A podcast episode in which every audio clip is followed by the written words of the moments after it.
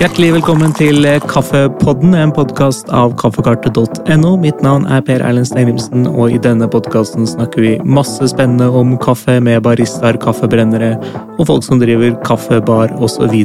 osv. Dagens gjest er regjerende norgesmester i baristakunst 2019 og 2020. I tillegg fikk han en bronse i Bruce Cup 2020. Han driver et eget kaffebrenneri, Kaffe Nano Røsteri, like utenfor Røros, men til daglig holder han til som barista i Trondheim på Selland Rå. Adrian Berg, så hyggelig.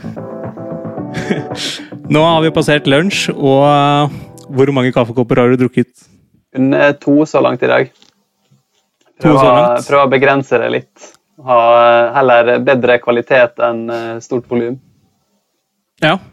Er det, er det håndbrygg å eh, foretrekke? Eh, ja, stort sett. Jeg brygger bare én og én kopp mm. i gangen, så det er enklest sånn. Ja. Hvor mange, hvor mange, år har du holdt på med kaffe? Du har jo du er jo en, eh, en, barista av rang og holdt på en stund, men hvordan starta det? Var det liksom gitt at du skulle begynne med, med å jobbe som barista? Det starta i 2012, når jeg bodde i London.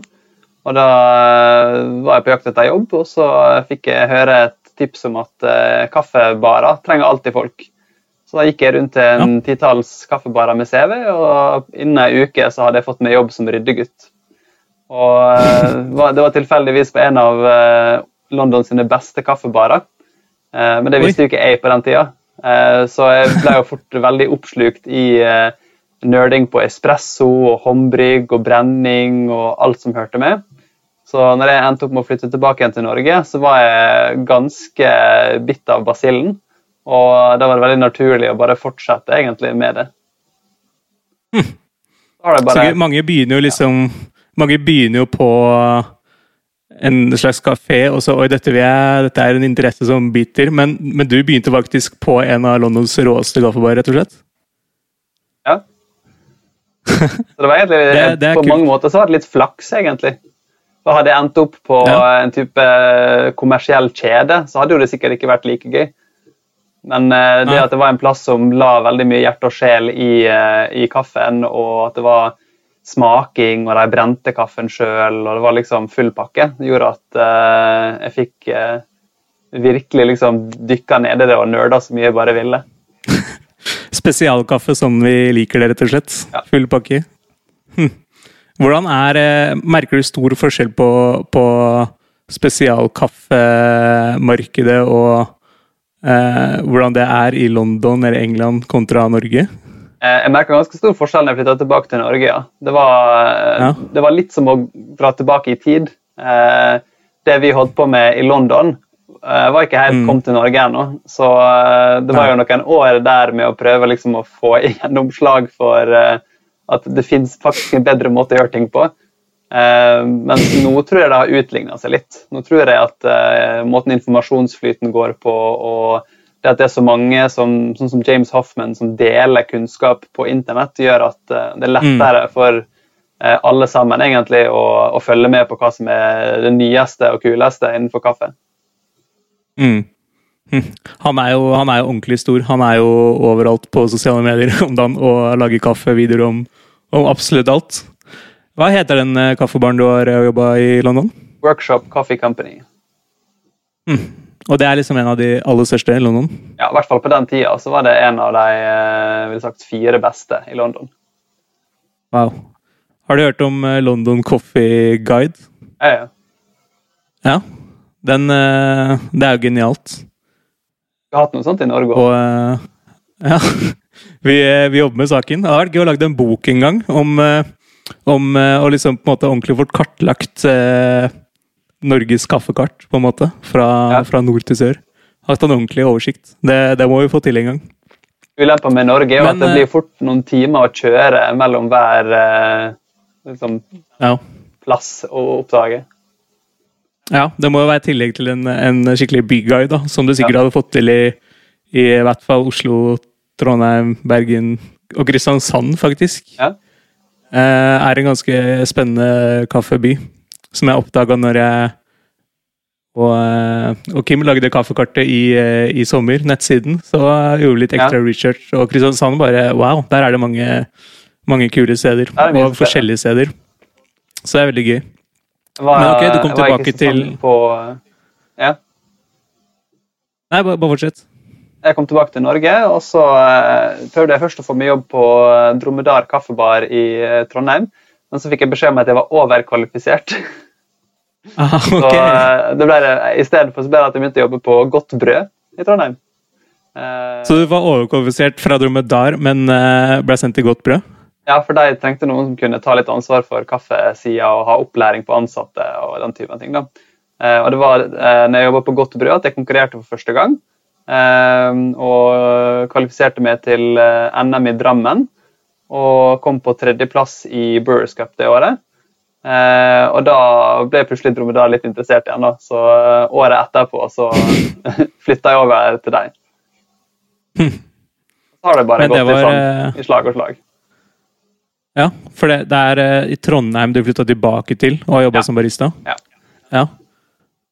Og så var det Men da, da er det lokalt eh, mesterskap der først, i Trondheim? Ja, det første er regionsmesterskap, og så eh, kvalifiserer man seg til å være med i NM.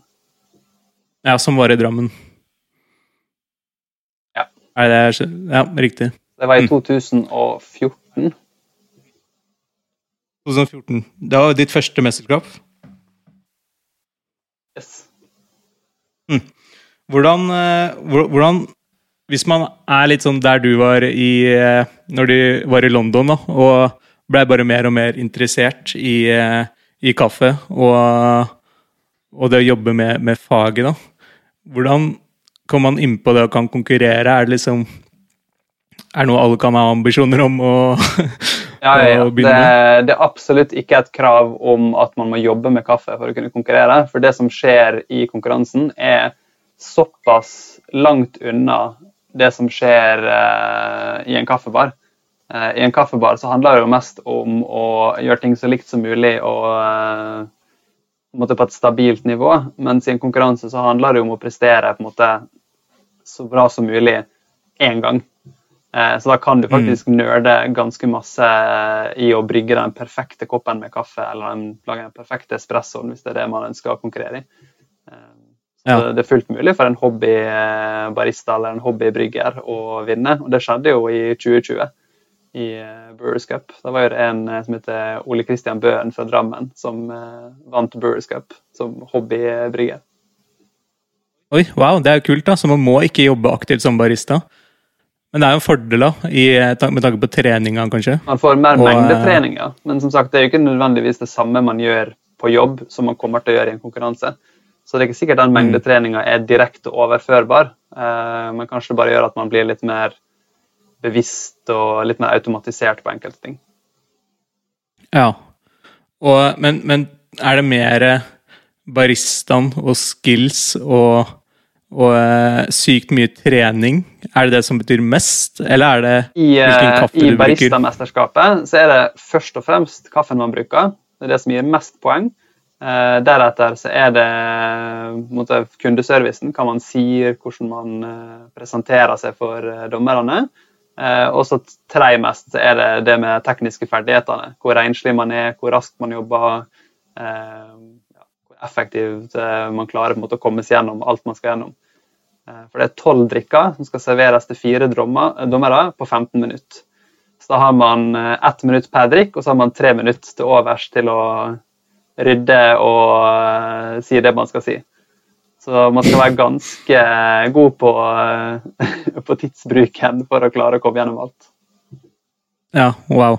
Er det, er det like viktig det man sier, på en måte? Må du jobbe mye med hvordan presentasjonen er?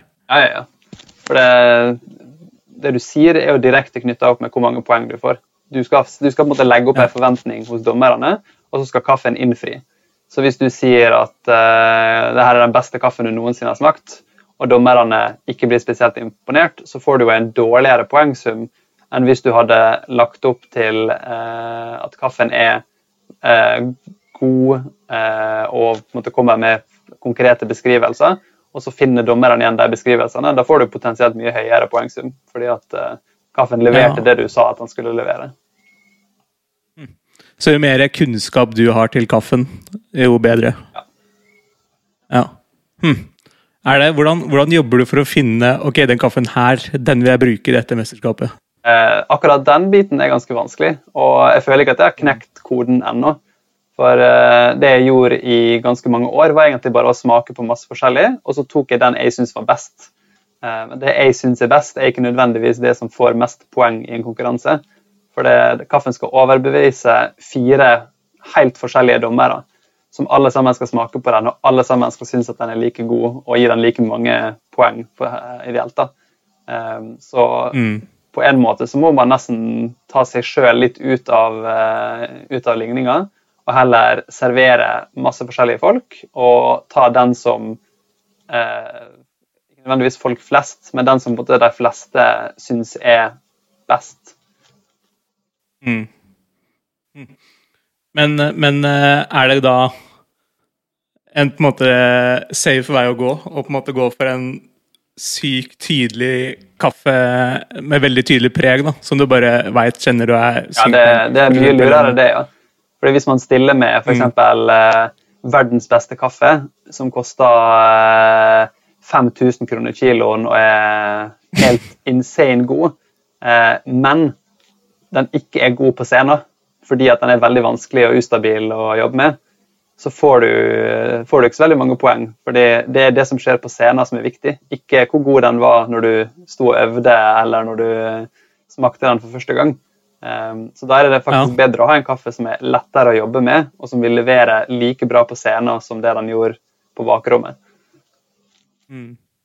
Men, men for eksempel eh, For et par uker siden så smakte jeg en kaffe fra, fra Yaku som var eh, eh, litt mer eh, eh, eksklusiv. Ja. Og eh, veldig tydelig ferskensmak. Bare den her oser fersken, liksom. Ja. Det var sånn, Drikker jeg kaffe, eller eh, spiser jeg fersken, liksom? Ja. Og da tenker jeg bare, hvis man er med i et mesterskap, og man får til den cirka likt hver gang, funker det da å bare snakke mye om hvor mye fersken den Ja. smaker? på en måte? Man må jo absolutt spille på styrken etter kaffen. Eh, Det er jo lurt å kanskje ha en kaffe som ikke bare smaker av én ting, men som har litt kompleksitet og, og bredde. Men eh, det at det er én eller tre veldig tydelige smaker som det er lett å trekke fram, og som man er 100% sikker på at alle fire dommerne kommer til å finne, så er det en veldig god måte å, å sanke poeng på. Da er det Mm. verre hvis du sier, hvis du sier fersken, og én dommer finner fersken, én dommer finner nektarin, og én dommer finner noe helt annet. Da, da får ikke man så stort poengpotensial. Åh, spennende. Det er litt sånn taktikk skal, eh, involvert. Ja, du må, du må være litt smart, rett og slett. Gå litt, uh, prøve å finne noe som alle, alle kjenner seg inn i. Når du, og så er det jo kaffen, den inneholder jo En kaffekopp inneholder jo 98 vann, Ja. cirka. Så det har jo sykt mye å si. Og eh, i Norge så er vi jo eh, Så er vi jo heldige å ha utrolig bra vann. Ja. Hvordan eh, hvordan er det i mesterskap? For det er jo folk som får sponsa vann, og folk bruker mye tid på å finne bra vann. Er det egentlig nødvendig i Norge, hvor man har så sykt bra springvann overalt? Ikke, ikke egentlig. Man klarer å lage helt fantastisk god kaffe med vanlig norsk eh, springvann. Men eh, når man er på et mesterskap, så har man jo så klart lyst til å vinne. Og hvis alle som deltar, stiller med like god kaffe, så vil det kanskje være den med beste vann som klarer å dra fra med eh, på en måte de eh, eh, millimetermarginene som skal til for å eh, ta førsteplassen og ikke andreplassen. Eh, Så det er jo absolutt noe som mange, mange gjør. Sjøl Selv når jeg stilte til Brewers Cup i 2020 og i 2019, så lagde jeg mitt eget vann med destillert vann, og så tilsatte jeg kalsium og magnesiumsalt for å få den eh, blandinga av mineraler i vannet som eh, jeg visste kom til å gi best smak med min kaffe. Wow! Det Da er jo eh, next level. Det er next level. Det er eh, Da går du all in. Men hvilket år var det? Var det, var det, Det var i 2019 og i 2020. Ja. Eh, interessant. Eh, det er jo eh, Men da gikk det jo med til eh, For det var jo før korona, i 2019. Så da var det jo eh, VM. Var det, hvordan var det? Det var helt sykt. Eh, det kan egentlig ikke sammenlignes med NM. Eh, NM i Norge er jo en veldig sånn lukka bransjegreie, som ikke eh, trekker så mye oppmerksomhet fra folk som er utafor bransjen. Mens eh, VM var en sånn stor sånn stadionopplevelse med titusener av folk som møtte opp for å se på, og det var en stor messe rundt, og det var sponsorer og liksom, tribune og full pakke. Folk som liksom satt, eh, satt på tribuner og veiva med flagg og heia. og og helt, eh, helt vilt. Det var som å være på en fotballkamp, bare at istedenfor en idrett, så var det folk som sto og lagde kaffe på ei scene. er det sant? Ja. Er det så stort? Wow, det visste jeg ikke. Man tenker jo liksom at Norge er så langt fremme på, på, på kaffe, og eh, ja, vi drikker mye kaffe, og spesialkaffefronten og sånn, men uh, det var jeg ikke klar over. At det var Det begynner å bli forbigått, faktisk. Mm. Resten av verden eh, har for Det som er litt ulempa med Norge, det er at eh, vi, har, eh, vi tok den kaffetrona ganske tidlig. Mm. Og ble liksom utropt som kulest, kulest på kaffe i verden. Men det var sånn 15 år siden. Og det er litt skummelt å måtte ha den posisjonen, fordi da, da blir man litt lat. Da slutter man å prøve. Eh, mens resten av verden da, de har jo eh, innovert som bare faen og eh, måtte klatra opp og tatt oss igjen. Og nå blir vi forbigått. Mm. Så eh, Ja, på- vi, må, vi må henge med i gamet, vi også. På hvilken måte blir vi, er det mest tydelig at vi blir forbigått? Nei, det er jo det at eh, måtte, folk i andre land er mer gira på å kjøpe spennende kaffe. De er tidligere ute med å prøve nye ting. De eh, eksperimenterer mer, de gjør mer research. Mens i Norge så er vi på en måte fornøyd med det vi har gjort hele veien. Det er interessant, da. Men det er jo også eh, Ja, det er kanskje litt saktere eksperimentering i Norge. For det er jo, eh, som du sier, da, at tidene forandrer seg veldig fort. Sånn, For 20 år siden så var det jo eh, filterkvern er eh, kverningsgrad er filterkverningsgrad, og så har man på en måte tatt det litt videre, da. Men eh, ja, interessant, da. Vi er jo eh, vi er en nasjon som blant de som drikker mest kaffe Det er vel kanskje bare Finland som drikker mer. Ja. Vi driver kniver om å ha den førsteplassen år etter år. Mm.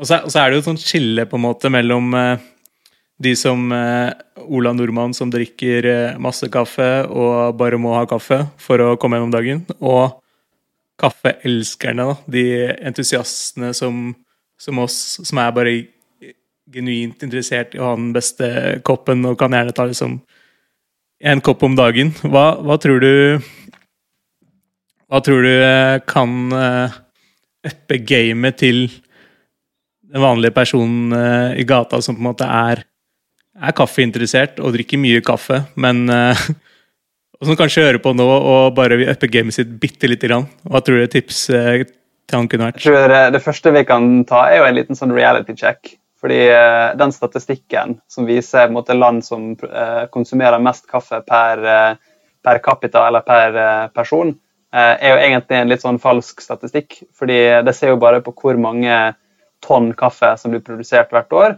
og så blir det delt på antall folk. Eh, problemet er bare at eh, det er ikke all den kaffen som faktisk blir drukket. Eh, den største konsumenten av kaffe i Norge, det er vasken. Eh, For folk Mm. flest de har eh, kaffetrakter og trakter 1-1,5 liter. Og så drikker de to-tre kopper av den kanna, og så går resten i vasken. Og så setter man på en ny kanne. Og så, og sånn går det dagene. Eh, så de aller fleste drikker jo ikke mesteparten av kaffen som blir brygga. Så det er jo kanskje noe å tenke over at eh, hvis vi endrer litt på vanene våre og brygger mindre kaffe, og faktisk drikker den kaffen vi brygger, så er det mye lettere å bruke litt mer penger på kaffen og få en bedre opplevelse. For det er vanvittig mye svinn. Ja. Og så er den jo, eh, best også, når man eh, lager mindre og på en måte drikker den eh, hva skal jeg si, med en gang, og ikke lar den stå Ja, ja. på den plata og Ja, den Det er varme jo grunnen til at folk tømmer den ut til slutt, for den blir jo ikke god. Eh, Alle, Mm. alle vet jo at den første koppen fra en nytrakta kanne er den beste koppen. Så hvis du bare drikker Mm. den da, og, og lager bare én kopp i gangen, så, eh, så slipper du hele det problemet. Mm. Og så kan du jo brygge, hvis du foretrekker håndbrygg, så kan du jo brygge en del kaffe også på, med Chemix, og du får jo en del eh, Jeg har vært hjemme hos min mor eh, av og til, og hun er så opptatt av at man må lage så mye kaffe når man skal Ja. lage kaffe. Ja, ja. Men man kan jo lage mye kaffe på en kemmings også, og eh, det er jo ikke noe, ikke noe stress. Ja, det er sånn fra gammelt av at eh, kaffe skal være et sånt produkt som det skal være klart eh, når du har lyst på det. Du skal ikke, du skal ikke måtte vente på kaffen, og du skal i hvert fall ikke måtte betale for den. Eh, det skal stå på, eh, det er liksom, du, skal, du skal trakte opp en stor kanne på morgenen, og den kanna skal fortsatt stå der på kvelden når du får lyst på en liten kopp. Istedenfor å bare trakte Ja. opp eh, litt mer. Litt den eh, kommer du på besøk til noen, så skal kanna stå, Den skal, kanna være, stå den på skal være bordet klar allerede, den, ja. ja, sammen med kakene. Ja. Og det er litt sånn på større arbeidsplasser også. Så er det jo eh, Hæ, er det ikke Hvor er, hvor er kaffekanna? Og eh, så blir jo den, blir jo den tømt da på kvelden. Da, Ja, ja. for den, den, den står jo der og godgjør seg. Ja.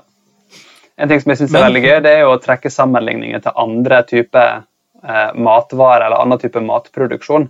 Fordi eh, ting som folk eh, ting som folk ser på som helt naturlig eh, med kaffe, eller som de ikke stiller spørsmål ved med kaffe, hadde folk aldri godtatt eh, med andre typer produkt. Eh, eh, vin er jo et godt eksempel. Hvis folk hadde åpna ei flaske vin på morgenen, fordi, eller på en, på en mandag, fordi at du ville ha ei åpen flaske på en lørdag, liksom, så eh, ville jo den vinen blitt oksidert og helt grusom i mellomtida. Eh, Mm. Du ville ikke åpna ei brus på morgenen fordi du skulle ha et glass på kvelden, for da hadde den jo vært helt flat og død. Eh, Ja. det er liksom sånne ting da, at eh, folk skjønner det når det gjelder andre ting, men vi vil ikke skjønne det når det gjelder kaffe, fordi at uh, kaffe har fått en sånn rar status i samfunnet vårt. At uh, skal liksom bare alltid være der. Mm. Hva er, eh, hva er tipset ditt hvis noen uh, har lyst til å gå over til å teste ut uh, håndbrygg? Uh, nei, det enkleste er jo egentlig bare å bruke, bruke det man allerede har. Eh, folk flest er jo litt sånn bekymra for eh, at det, at det trenger å koste så mye å lage god kaffe, men det gjør jo ikke det. Eh, vi som jobber profesjonelt med kaffe, når vi skal smake på kaffe, så gjør vi noe som heter cupping. Og Da tar vi en sånn skål som det her, og så brygger vi kaffe rett oppi skåla. Og så skimmer vi bare av det som ligger og flyter på toppen, og så drikker vi med en skei. Så man Mm. kan lage veldig god kaffe nesten med null utstyr. Så hvis folk har en presskanne liggende de ikke bruker så ofte, eller eh, noe i den duren, så fungerer det helt fint til å lage veldig, veldig god kaffe. Så det eneste man trenger å bruke litt penger på, er jo kaffebønnene. Eh, Mm. Og til og med der, hvis man er vant til å drikke eh, frokostkaffe eller eh, andre typer butikkaffe, eh, og bare det å øke kanskje med 10-20 kroner posen vil jo gi en bedre kaffeopplevelse. Eh, og hvis du er villig til å gå opp til kanskje 100 kroner posen, så vil du faktisk få spesialkaffe som kan smake veldig godt. Ja. Du får jo supermarkedposer også, oppe i 70-80 kroner. Som kanskje er et sånt lite step opp, da, hvis man vil uppe gamet bitte lite grann. Den eh, Kolonihagen-kaffen som man finner på Rema 1000, helt topp god, eh, Mm. god kaffe. Det er liksom ikke eh, Det er ikke sånn man har med på konkurranse nødvendigvis, men eh, for hverdagsbruk så er det top notch. Ja. Jeg har prøvd, faktisk prøvd eh, en av dems eh, Kenya. Veldig, veldig fornøyd med det, egentlig. Ja, ja. Veldig bra. Du har jo starta et eget kaffebrenneri også. Når, når er det du gjorde det? Eh, det starta jo egentlig eh, i forbindelse med konkurranse. Fordi jeg ville brenne kaffen sjøl til konkurransen. Fordi at eh, jeg så at det ble for, for usikkert å være avhengig av andre ofte så trenger du eh, i hvert fall til baristakonkurranse, så trenger du å ha kaffen kanskje to-tre uker før konkurransen begynner. Eh, og da bør det være den beste brenninga av den kaffen. Eh, men ofte så mm. opplevde jeg at jeg kanskje fikk kaffen ei uke før konkurransen, eh, og at den ikke rakk å, eh, å, bli stabil i tide. At jeg fikk, fikk, på en måte ikke smakt på det jeg skulle servere i konkurransen før jeg faktisk var der. Og det, det ble litt for ja. usikkert, så da fant jeg ut at hvis jeg brenner sjøl, så kan jeg brenne mindre mengder, jeg kan eksperimentere mye mer, og så har jeg kontroll eh, sjøl helt opp til konkurransen. Da vet jeg nøyaktig når kaffen er på sitt beste, og så kan jeg planlegge rundt det. Ikke være avhengig av noen andre. Og så syns jeg at det her var dedikert. veldig gøy, så klart. Det, hvis du ser bak meg, så står, eh, står lillebrenneren min eh, der. Mm. Eh, og fant ut at det, her, det, her, går jo faktisk ganske bra. Når jeg vant Baristamesterskapet i 2019, så hadde jeg litt sånn imposter syndrome. Tenkte at ja, men det var, det var sikkert litt flaks involvert. man skal ikke tro at man er noe, uh, osv. men så begynte jeg på å tenke litt sånn at ja, men jeg brente jo den kaffen sjøl, og den, den var jo faktisk god. Uh, og Så begynte jeg å leke litt med den tanken om å starte et eget uh, brenneri. Og så når jeg vant igjen i 2020 med egenbrent kaffe, så tenkte jeg at ja, men da, da gjør jeg det bare.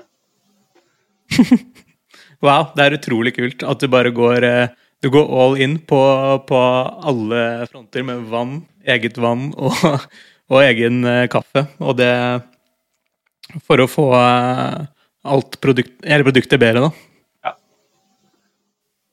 Hvorfor, eh, hvorfor eh, nanorøsteri? Eh, grunnen til at det var nano, var jo fordi at det var så utrolig lite. Jeg sitter jo i brenneriet nå, som er hjemme hos meg sjøl. Det er ja, jeg snur litt på kamera, det er på en måte bare en, en, en veldig, veldig smalt, en smal bod med en én mm. kilos brenner. Så nesten null kapasitet til å kunne brenne kommersielt. Eh, så det var jo litt sånn en vits da at det var nano, fordi at eh, det blir ikke mye mindre enn det her. Og røsteri var jo litt for å egentlig ta tilbake språket litt. Fordi vi, I Norge så sier vi jo kaffebrenneri, men hvis du drar over grensa til Sverige, så sier de kafferøsteri. Fordi oh, ja. du brenner jo ikke kaffen. Hvis kaffen er brent, ja. så er den jo svidd, og det skal den jo helst ikke bli. Um, mm. Vi sier for eksempel, vi sier jo røsta mandler. og Det er jo um, mer eller mindre samme prosessen som skjer med kaffen. Den blir røsta til den er på en måte brun nok, uh, og så tar man den ut. Og så smaker man på den for å se om det var, om det var godt eller ikke. Mm. Men det er kult at du starta i det ja, det er kult at du starta i det rommet, lille rommet bak deg nå, for å ja. liksom uh, få et best resultat i, uh, i mesterskapet. Ja. Det er veldig uh, dedikert. Men du har, du har, vokst ut derfra nå? Ja. til å begynne med så solgte jeg på en måte bare små poser til privatpersoner. og så fikk jeg flere og flere spørsmål fra kaffebarer og bedrifter som hadde lyst til å, å teste. Og jeg sendte ut veldig mye samples, men jeg var også ærlig om at jeg kan egentlig ikke levere til bedriftskunder, fordi at uh, da sitter jeg og, og, brenner dag inn og dag ut for å klare å levere store nok volum. Uh, så etter hvert da så gikk jeg med på å levere litt til noen, og så balla det litt på seg. Og så til slutt så, så jeg at, at nå er kapasiteten sprengt. Nå må jeg faktisk gjøre et eller annet. Eh, så jeg begynte å kikke meg litt rundt eh, etter eh, muligheten for å kjøpe en større brenner eller utvide litt. Og så fikk jeg litt støtte fra Os kommune, som ligger rett sør for Røros. Og da mm. var det sånn OK, men da har jeg midlene til å gjøre det her. Og så gikk min tidligere arbeidsgiver Jacobsen svart konkurs. Så da var det plutselig en kaffebrenner på markedet, så da kjøpte jeg den. Og så var det bare å kjøre på og utvide. Wow. Kult. Så du har der Jacobsens uh, og Svart tidligere kaffebrenner? Ja, jeg har deres sin 12 kilos brenner nå.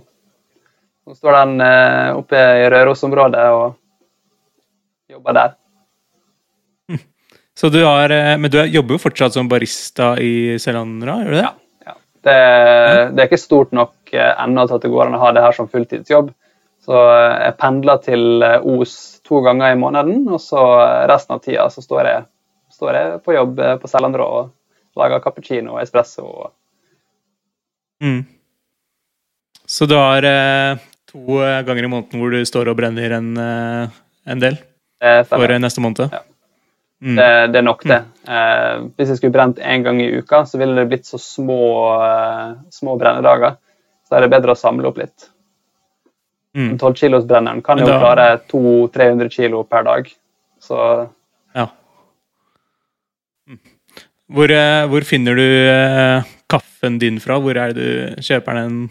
akkurat nå så er det litt sånn eh, Ikke vilkårlig akkurat da, men vi tar inn vareprøver fra forskjellige leverandører. Og så smaker vi på det, og det vi liker best, det kjøper vi. Mm. Det, det er ikke noe sånn der veldig detaljert plan bak det. Eh, vi kjøper bare det vi har lyst til å drikke sjøl. Mm.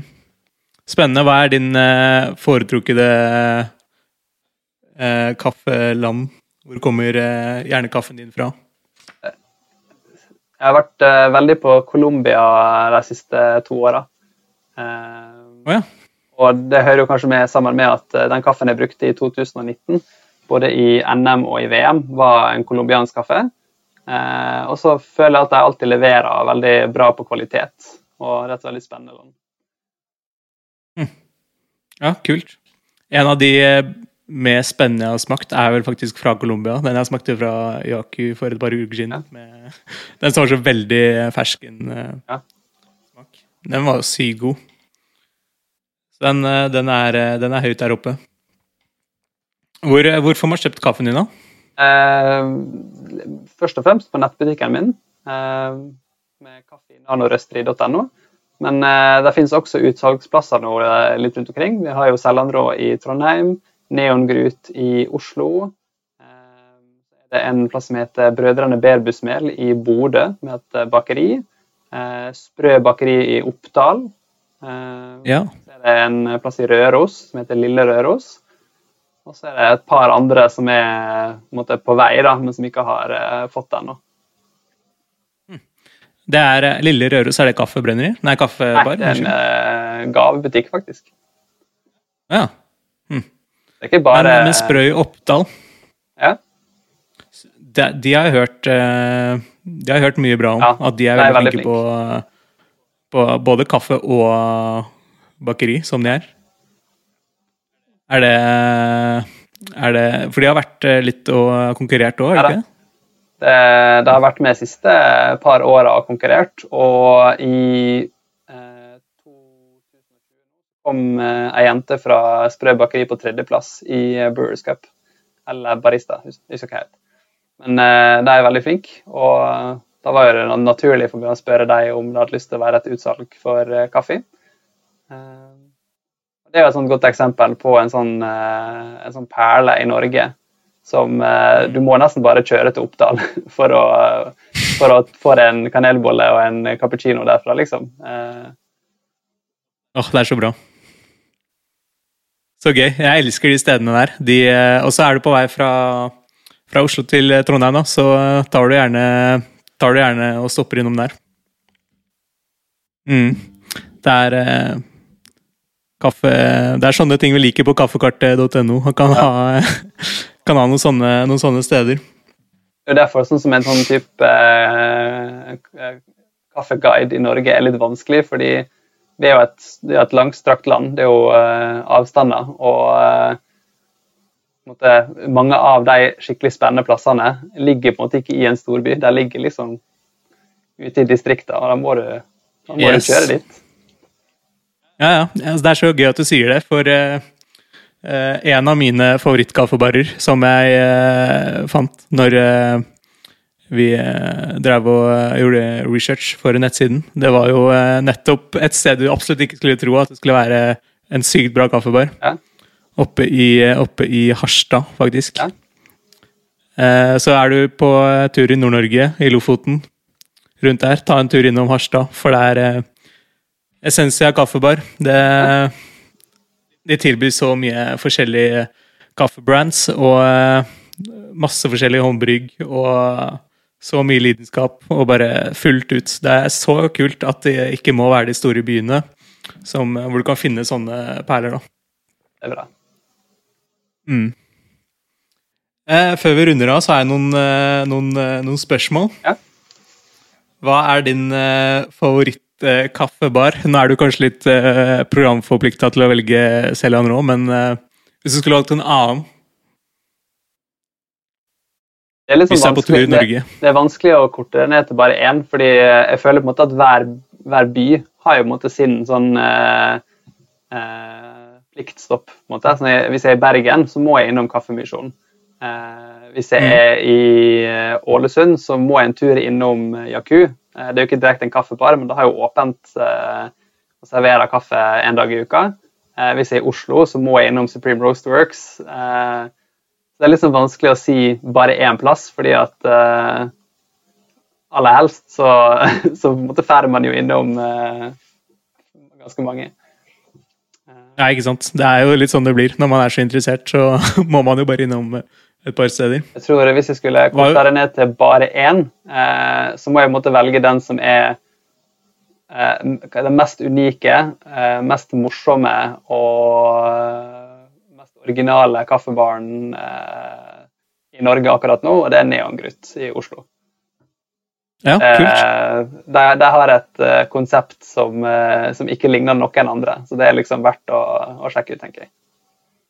Mm. Jeg, jeg digga at de fikk et, eh, et lokale i, Ja. i sommer. Etter å ha vært eh, De sto jo på Aker Brygge, og det var veldig kult at de eh, fikk et eget lokale, for det er eh, dødskult. Hva er, din, eh, hva er den beste kaffen du noen gang har smakt?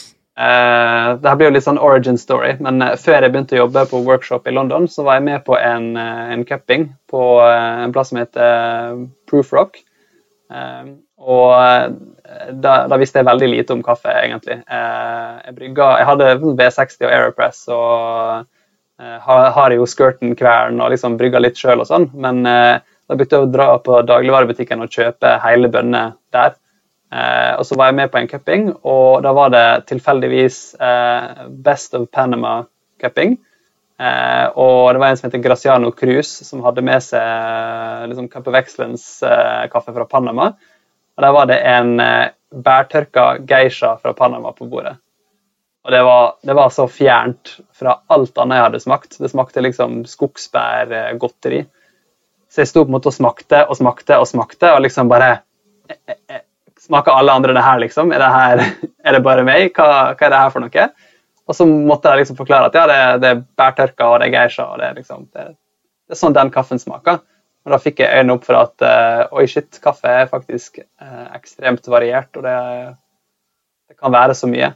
Og da, uh, Mm. da var det på en måte no going back etter det. Ja. Veldig, veldig solid svar. Jeg har vært innom noen geishaer selv, og en del av de er Som du sier, det er, det er som å Det er helt godteri. Det er helt eh, sykt hva, hva noe av de der smaker. Hvilken, eh, hvilken bryggemetode foretrekker du? Hvis du skal ha en favoritt-bryggemetode? Ehm, ja, jo mer jeg jobber med kaffe, jo mer eh, fan blir jeg av å holde ting enkelt. For eh, jo mer komplisert det blir, jo vanskeligere er det å gjøre det likt gang på gang. Så Spesielt med tanke på konkurranse, så er det liksom det å klare å lage identiske brygg er veldig viktig. Og også for så vidt når man jobber i kaffebar. Så den jeg har blitt mest glad i de siste åra, er en, en som heter Clever Dripper.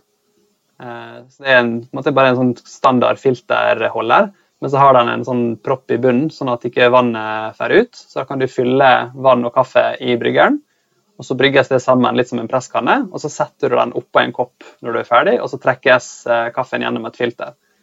Så da får du på en måte kombinasjon da, av eh, filterhåndbrygg og presskannehåndbrygg. En ganske, ganske enkel, eh, helt sånn eh, basic måte å brygge kaffe på, som ikke trenger ikke noe fancy oppskrift. Du trenger ikke å være en god barista, du trenger bare gode råvarer. Så lar du på en måte bryggeren bare ordne resten. Oi, spennende. Den har jeg ikke vært eh, borti eller hørt om. Den er fra Taiwan. Det er noe, jeg må jo si at jeg selger jo så klart den gjennom kaffe, så jeg er jo veldig biased sånn sett. Men uh, det var jo en grunn til at jeg bestemte meg for å ta inn den og ikke, ikke masse annet. Fordi at jeg ville ha en bryggemetode som er så enkel å bruke at, at alle kan gjøre det. uten å måtte, måtte, øve seg på helleteknikker og gjøre masse fancy greier med oppskrift. Som liksom en, jeg liker ting som er kombinasjon av flere teknikker. Da. Det at det er full immersion, liksom presskanneaktig, men også er et filter, sånn at du får litt klarhet og uh, ikke så mye grums uh, i brygget. Det liker jeg. Den, den, må jeg ta sjekke ut. Hva er hovedforskjellen på den og Aeropress? Aeropressen er jo litt mer standard full immersion. Eh, veldig tynt filter, så du får med litt grann, eh, grums og partikler. Eh, og så bruker den også trykk, sånn at du skal få en ganske kort bryggetid. Mens eh, Clever Dripper det er bare en, en filterholder der du blander kaffe og, og, vann. Så der må du faktisk gi den en tre-fire minutter for å få, eh, få ekstrahert nok. Og så er det på en måte bare en propp som blir løfta opp når du setter den på en karaffel eller en kopp, sånn at det får trukket gjennom. Så den er egentlig utrolig enkel. Ja. Litt sånn blanding av eh, presskanne og aeropress? Bare uten pressdelen, da. Bare, bare uten pressdelen? Yes. Du Adrian, tusen takk for at du eh, ville være med oss i dag for en eh, koselig kaffeprat. Ja. Okay. Veldig hyggelig. Yes. Ha det bra. Ha det bra.